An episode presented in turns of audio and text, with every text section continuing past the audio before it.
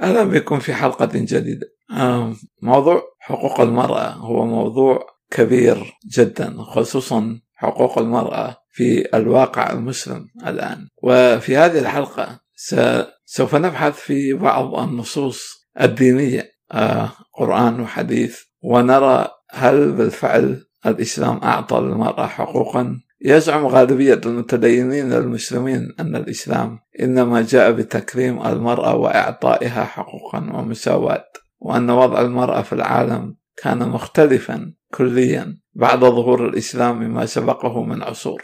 الحقيقة طبعا ليست بهذه الصورة الوردية والمشرقة كما يريد رجال الدين ومن يتبعهم في العالم الإسلامي أن يوهمون به لأن وضع المرأة الشدد هنا على المرأة العربية قبل الإسلام. لم يكن بذلك السوء الذي يريد المؤرخون والفقهاء المسلمون أن يصوروه لنا لأنهم يقولون مثلا أن العرب كانوا يئدون بناتهم قبل الإسلام. وفي الواقع لم تكن هذه الظاهرة منتشرة بل كانت تمارس نادرا من بعض القبائل العربية. انظر مثلا هذه الآية. زين للناس حب الشهوات من النساء. والبنين والقناطير المقنطرة من الذهب والفضة والخيل المسومة والأنعام والحرث. ذلك متاع الحياة الدنيا. والله عنده حسن المآب. آل عمران الآية أربعة عشر. إذ ينقل ابن كثير في تفسيره حديثا. رواه البخاري في صحيحه برقم خمسة آلاف وتسعة وستين موقوفا على ابن عباس. يقول الحديث ما تركت بعدي فتنة أضر على الرجال من النساء. وأعتقد أنه كان ينبغي أن يقول أضر على الرجال لكن لا أعرف لماذا الحديث كتب بهذه الصيغة وربما هو حسب القواعد يكون خاطئ. على كل وهو كما ترى لا يكتفي في جعل المرأة موضع اشتهاء وفتنة لا غير بل أن الآية القرآنية تضع النساء خارج الناس. وكأن البشرية والآدمية تقتصر على الرجال فقط. بينما النساء موضوعات إلى جانب الذهب والفضة والخيل والأنعام أي الحيوانات والحرث. وكأن ابن كثير أدرك هذه الإشكالية فجاء بعذر أو دفاع يجعل المرأة مرة أخرى عديمة الإنسانية وأنها خلقت للزواج والإنجاب لا غير حيث يقول اقتباس فأما إذا كان القصد بهن الإعفاف وكثرة الأولاد فهذا مطلوب مرغوب فيه مندوب إليه كما وردت الأحاديث بالترغيب في التزويج والاستكثار منه. نهاية الاقتباس. تفسير ابن كثير الجزء الثاني الصفحة 19 بينما يقول القرطبي في تفسير هذه الآية في الجزء الرابع من كتاب من تفسيره الصفحة 20 قوله تعالى من النساء بدأ بهن لكثرة تشوف النفوس إليهن لأنهن حبائل الشيطان وفتنة الرجال. نهاية الاقتباس. ثم يستشهد بذات الحديث الذي أوردناه نقلا عن ابن كثير لكن يبدو لي أن ابن كثير إنما سار على خطى القرطبي وأورد ما تركت بعد فتنة أضر على الرجال الحديث. كذلك البغوي يقول في تفسيره بدأ بهن لأنهن حبائل الشيطان نهاية الاقتباس. المرأة في الإسلام سواء في القرآن أو في الحديث هن فقط موضوع شهوة نكاح أو فتنة وهن لا يملكن من هذه الحياة سوى خدمة أزواجهن لا أكثر. خذ هذه الآية مثلا. نساؤكم حرث لكم فآتوا حرثكم أن شئتم وقدموا لأنفسكم واتقوا الله واعلموا أنكم ملاقوه وبشر المؤمنين. البقرة 223 قال الطبري في تفسيره الجزء الرابع الصفحة 397 اقتباس. يعني تعالى ذكره بذلك. نساءكم مزدرع أولادكم. فأتوا مزدرعكم كيف شئتم وأين شئتم. نهاية الاقتباس. وهو كما ترى مجرد تكرار لكلام الآية. يعني الآية لا تحتاج أصلا لأي شرح فالمعنى واضح. وكل النقاش والحديث عن هذه الآية إنما يدور في فلك كيفية تمتع الرجل بالمرأة دون إعطاء المرأة أي اهتمام فهي خلقت لإرضاء الزوج لا أكثر. هذا الحديث الذي جاء بروايات مختلفة وهو موقوف عن أم المؤمنين عائشة. انظر. قال رسول الله صلوات النكاح رق.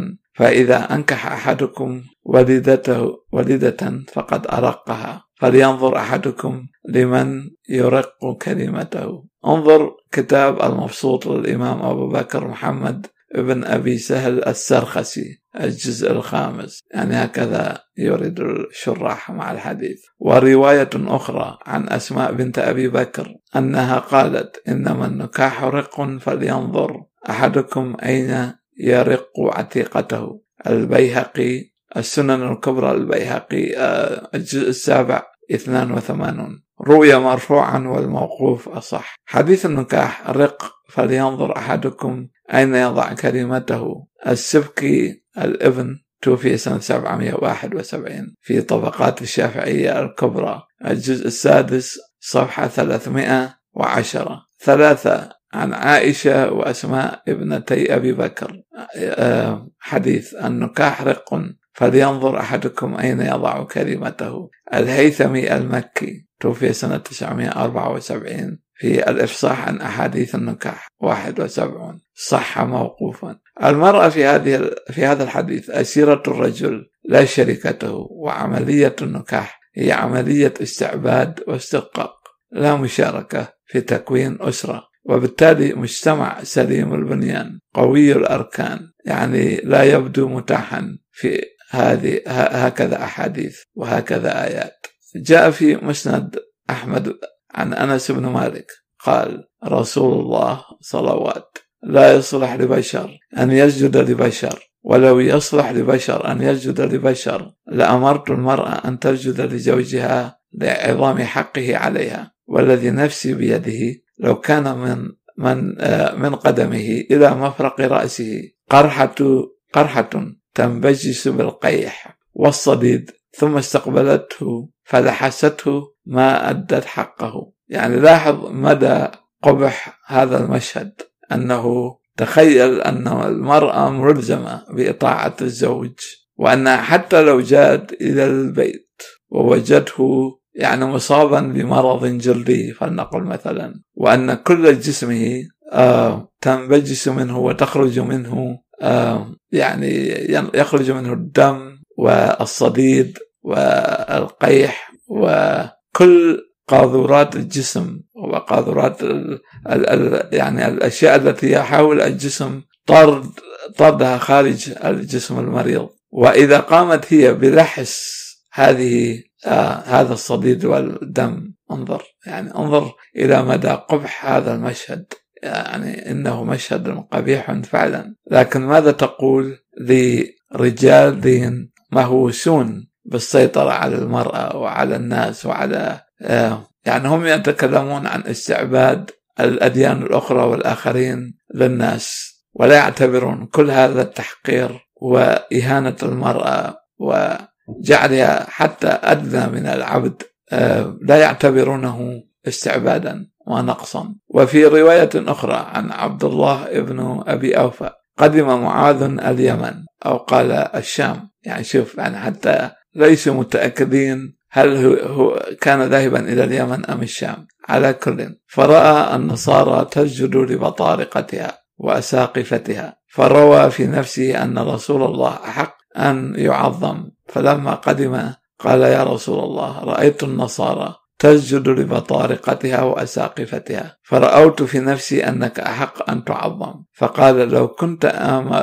آمر فقال لو كنت آمر أحدا أن يسجد لأحد لأمرت المرأة أن تسجد لزوجها ولا تؤدي المرأة حق الله. انظر ولا تؤدي المرأة حق الله عز وجل عليها كله. حتى تؤدي حق زوجها عليها كله حتى لو سألها نفسها وهي على ظهر قتب لأعطته إياه. مروي في شعب الأرناؤوط آه، تخريج المسند 19403 السند جيد أخرجه ابن ماجه أيضا آه، برقم 1853 وأحمد 19403 واللفظ له. وفي الدرر السنية أحد الشروح المقدسة جدا لدى الوهابية. يقول الشرح ثم قال لو كنت آمرا أحدا أن يسجد لأحد. يعني لو كان السجود جائزا في حق العباد بين بعضهم البعض. ولا أظن هذا يحتاج إلى شرح. لأمرت المرأة أن تسجد لزوجها النص ولكن ولكان هو الأولى بسجود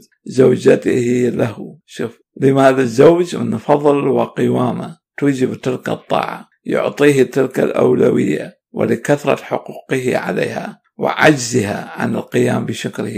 وفي هذا غاية المبالغة لوجوب طاعة المرأة لزوجها وتؤدي المرأة حق الله عز وجل عليها كله حتى تؤدي حق زوجها عليها كله. يقول الشارح فقرن النبي حق الزوج على الزوجة بحق الله فإذا كفرت المرأة حق زوجها زوجها وقد بلغ من حقه عليها هذه الغاية. كان ذلك دليلا على تهاونها بحق الله. شوف يعني يقارن الشارح يقارن طاعة الزوج بطاعة الله. يعني هو بمثابة الله للمرأة. ثم يضيف حتى لو سألها نفسها هذا يعني في شرح هذه الفقرة حتى لو سألها نفسها للجماع وهي على ظهر قتب والقتب للجمل كالإكاف وكالبرذعة للحمار. يعني يشبه السرج أعتقد. آه، لأعطته إياه ومعناه الحث على مطاوعة أزواجهن وأنهن لا ينبغي لهن الامتناع في هذه الحالة. فكيف في غيرها؟ أو في الحديث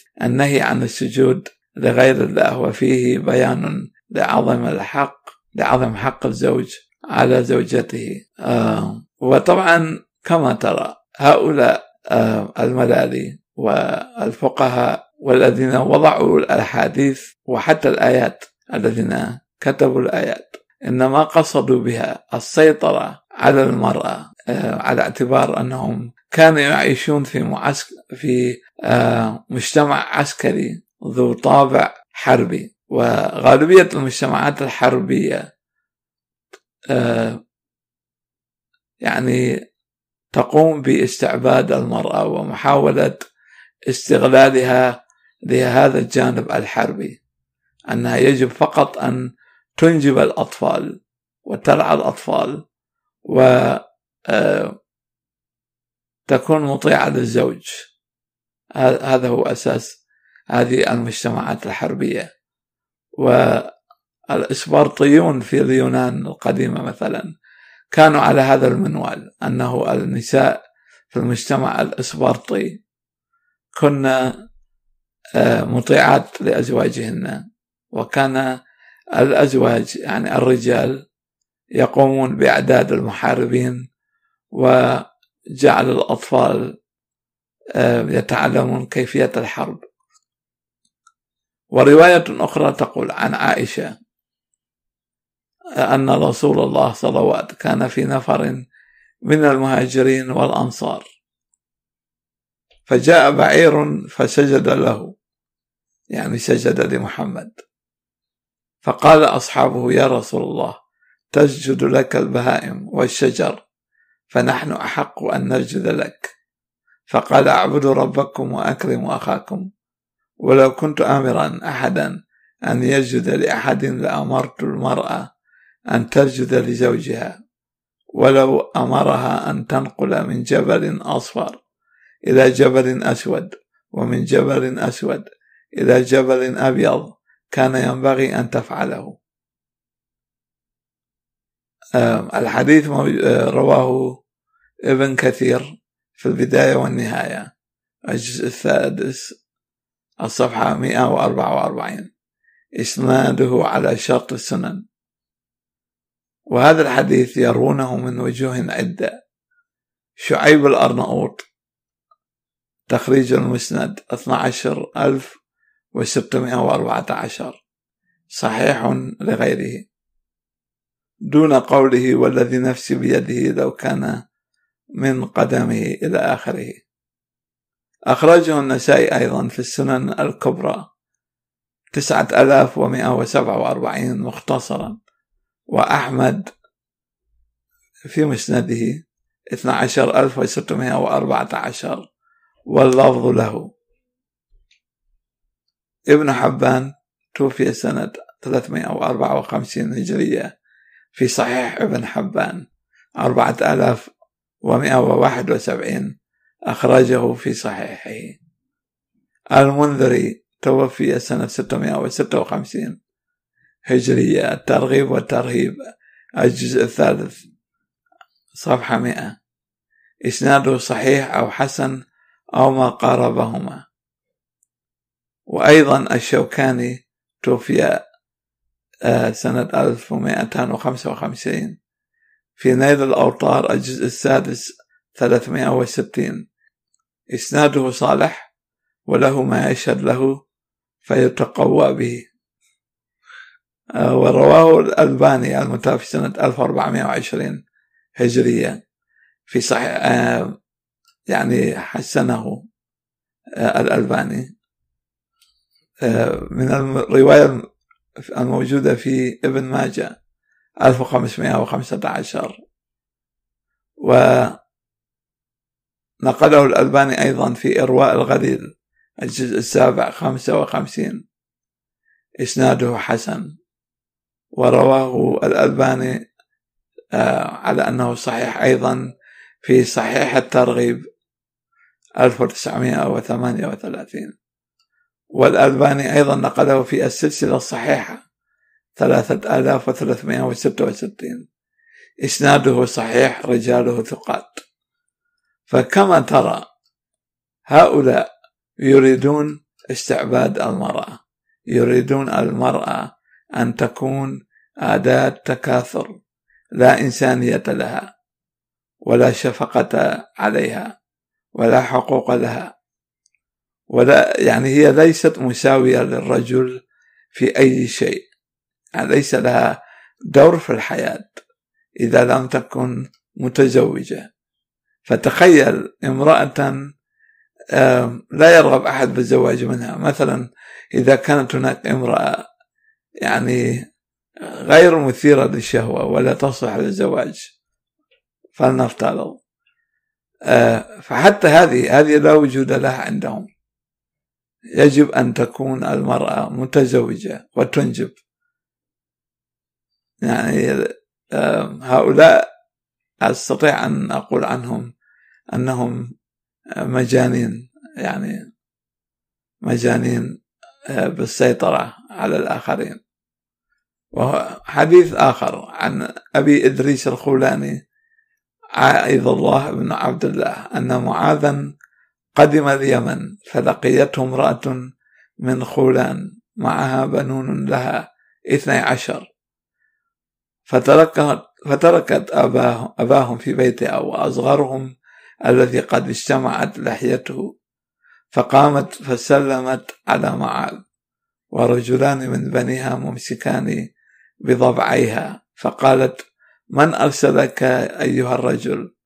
قال لها معاذ أرسلني رسول الله. صلوات. فقالت المرأة أرسلك رسول الله؟ صلوات. وأنت رسول رسول الله؟ صلوات. أفلا تخبرني يا رسول رسول الله؟ صلوات. ما حق المرء على زوجته؟ قال لها معاذ تتقي الله ما استطعت وتسمع وتطيع. قالت أقسمت بالله علي أقسمت بالله عليك لتحدثني ما حق الرجل على زوجته.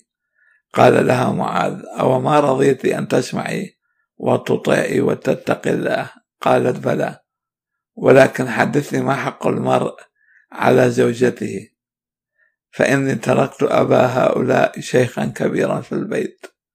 قال لها معاذ والذي نفس معاذ بيده لو أنك ترجعين إذا رجعت إليه فوجدت الجذام. وهذا طبعا مرض قبيح جدا. فوجدت الجذام قد خرق لحمه وخرق من خريه. فوجدت من خريه يسيلان قيحا. انظر إلى قبح الصورة. من خريه يسيلان قبح قيحا ودما ثم ألقمتيها فاكي لكي ما تبلغي حقه ما بلغت ما بلغت ذاك أبدا. انظر إلى قبح هذا المشهد الشنيع. يعني هؤلاء يجعلونك يعني يعني لو تقارن هذا الحديث بشخص يدعو الناس إلى أكل النجاسة ولنقل باللغة العربية الخراء فهذه لم تكن أسوأ من هذا المشهد القبيح. يعني هذا نهاية في القبح وفي احتقار المرأة. أه وأنا لا أدري يعني لماذا لا لم تسأل معاذا هذا عن حقوق المرأة على عن حق المرأة على الرجل. ولكن الواضح من هذه الأحاديث أنها أه يعني مدروسة بشكل سياسي ولها غرض تطبيقي وهي وهو السيطرة على المرأة. هذا الحديث نقله الهيثمي المتوفي سنة 807 هجرية في مجمع الزوائد. الجزء الرابع صفحة 310 فيه عبد الحميد بن بهرام عن شهر وفيه ما ضعف وقد وثق يعني فيه ما ضعف ومع ذلك وثق فعجبا. حتى الجواري والإماء والعبيد ليس مطلوبا منهم أن يقوموا بذلك طبعا أن يقوموا بهذا آه يعني احتقارهم لهذه الدرجة ليأدوا حق سيدهم عليهم ولموقع لموقع العبيد في الإسلام. يعني أيضا آه هذا بحث يحتاج إلى حلقة خاصة لأن العبيد في الإسلام يعني كانت لهم منزلة حقيرة جدا. وكل الادعاء الإسلامي بأنهم كانوا يراعون العبيد والإماء هو كذب ودجل لا أكثر. آه، ولكن شوف يعني حتى لو الزوج الزوجة لو تفعل ذلك فلن ترقى إلى إعطاء زوجها حقه الذي خصه الله به. وهو يبلغها يعني تأكيد الرسول على أنها حتى لو لحست قيح وصديد زوجها ويعني قاذورات جسمه وليس فقط عرقه أو لعابه. فإنها ليست بموفية مكانته وبركاته ومرضاته وأفضاله عليها. حديث آخر عن أنس وأنس اسم يهودي يعني فقط للعلم. عن أنس ابن مالك. إذا صلت المرأة خمسها وصامت شهرها وحفظت فرجها وأطاعت زوجها دخلت الجنة. رواه البزار توفي سنة 292 هجرية. البحر الزخار في البحر الزخار المعروف بمسند البزار المجلد 14 صفحة 46 ورواه نقله الألباني أيضا في صحيح الجامع 660 على أنه صحيح. وأخرجه ابن حبان 4163 والطبراني في المعجم الأوسط 4715 واللفظ له. يعني هذا أيضا حديث آخر في كيفية آه، جعل المرأة تابعة ومستعبدة لزوجها. وعن عمرو بن الحارث حديث أشد الناس عذابا يوم القيامة إثنان. امرأة عصت زوجها وإمام قوم وهم له كارهون. شوف أحمد شاكر توفي سنة 1377 هجرية في شرح سنن الترمذي الجزء الثاني. 193 إسناد على أنه إسناده صحيح. ف يعني لا أعرف لماذا كان محمد يريد إرسال النساء إلى جهنم يعني وهو متزوج وله من الجواري العديد يعني أكثر من ثلاثة عشر. آه، فعلا يعني مسألة تثير الدهشة والاستهزاء. وحديث آخر عن عبد الله بن عباس ثلاثة لا ترتفع صلاتهم فوق رؤوسهم شبرا. رجل أما قوما وهم له كارهون وامرأة باتت وزوجها عليها ساقط وأخوان متصارمان. نقله على الدين مغلطاي توفي سنة 760 هجرية في شرح ابن ماجه. الجزء الثالث 598 إسناده لا بأس به عنده وأخرجه ابن ماجه 971 واللفظ له. وابن حبان في صحيحه 1757 والطبراني الجزء الحادي عشر 446 آه، رقم الحديث 12275 باختلاف يسير. فتخيلوا كيف أنه حط صلاة الزوجة وقيامها بالفريضة التي هي رأس الإسلام وعموده ليس لها قيمة في حال سخط زوجها عليها. وطبعا السخط هنا ليس لأنه أمرها بفعل معصية مثلا فعصته. وعموما هناك أحاديث أخرى تؤيد هذا المعنى في بركات الزوج.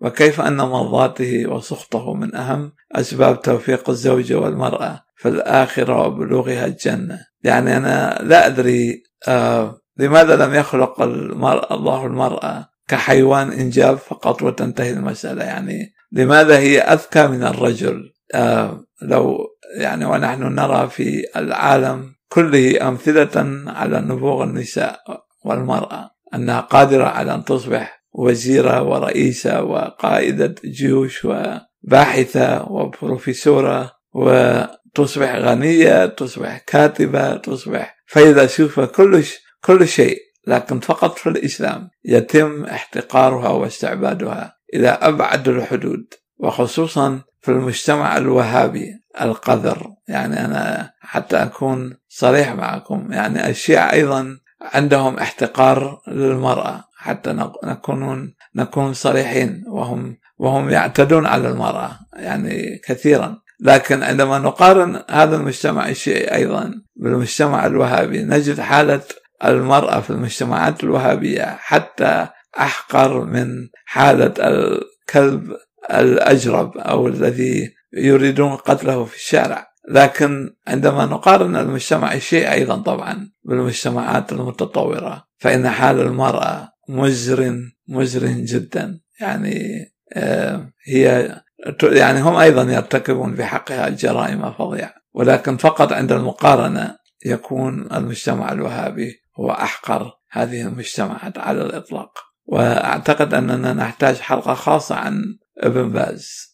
فتاوي ابن باز وبعض مشايخ الوهابية بهذا الخصوص. ومن أحد الأحاديث الأخرى ومن ذلك ما جاء عن الحسين ابن محصن أن عمة له أتت النبي صلوات في حاجة ففرغت من حاجتها فقال لها النبي إذا أذات زوج أنت أي هل أنت متزوجة؟ قالت نعم. قال كيف أنت له؟ شوف يعني محمد كان عنده عقدة من النساء. كيف أنت له؟ قالت ما آلوه إلا ما عجزت عنه أي لا أقصر في حقه إلا ما لا أستطيع أن أفعله. قال الرسول فانظري أين أنت منه فإنما هو جنتك ونارك. شوف رواه أحمد بسند صحيح. يعني الرجل هو الذي يقرر حسب محمد.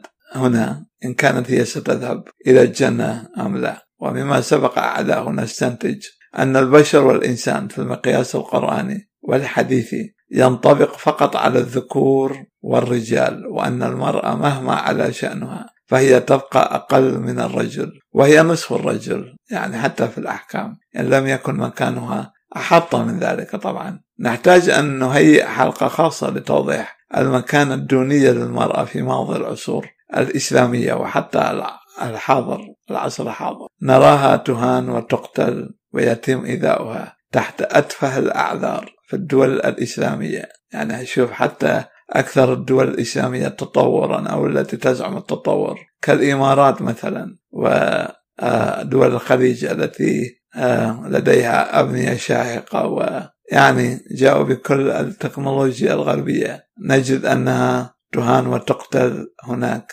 لأتفه الأعذار وفي ظل حماية حكومية لمن يتعدى عليها. اشترك في القناة فعل الجرس وتابعنا في حلقاتنا القادمة. إلى اللقاء.